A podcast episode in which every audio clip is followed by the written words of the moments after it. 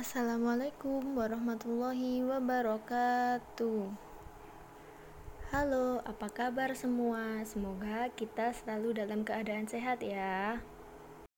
Sebelum kita masuk ke pembahasan pada kesempatan kali ini, kita harus perkenalan dulu nih, ada siapa aja sih di podcast kita kali ini?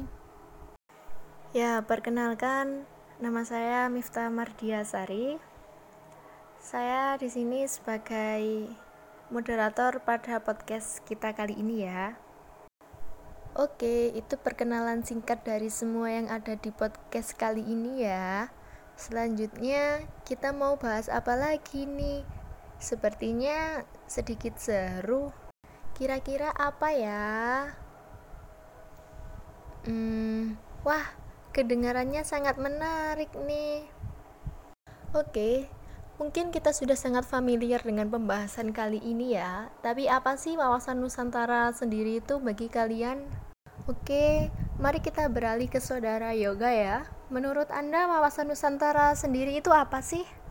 Wah, mantap sekali moderator kita yang satu ini ya.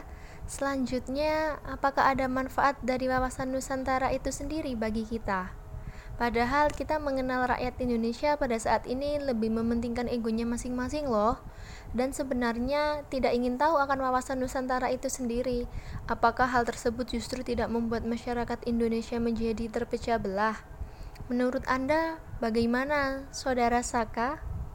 Wah, wah, wah, ternyata wawasan Nusantara itu sendiri mengandung banyak nilai positif ya, dan menjadikan kita lebih bisa berpikir bebas dan lebih global lagi. Apalagi wawasan Nusantara sendiri termasuk salah satu cara kita mencintai, melihat, dan menjalankan bangsa kita ini loh.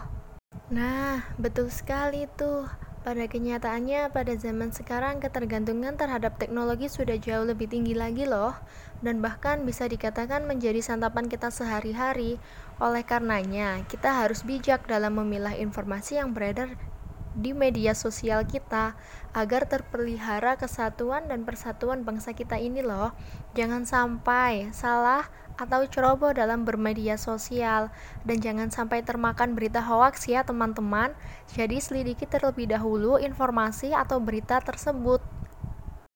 Mungkin cukup sekian ya pembicaraan kita kali ini karena keterbatasan waktu juga.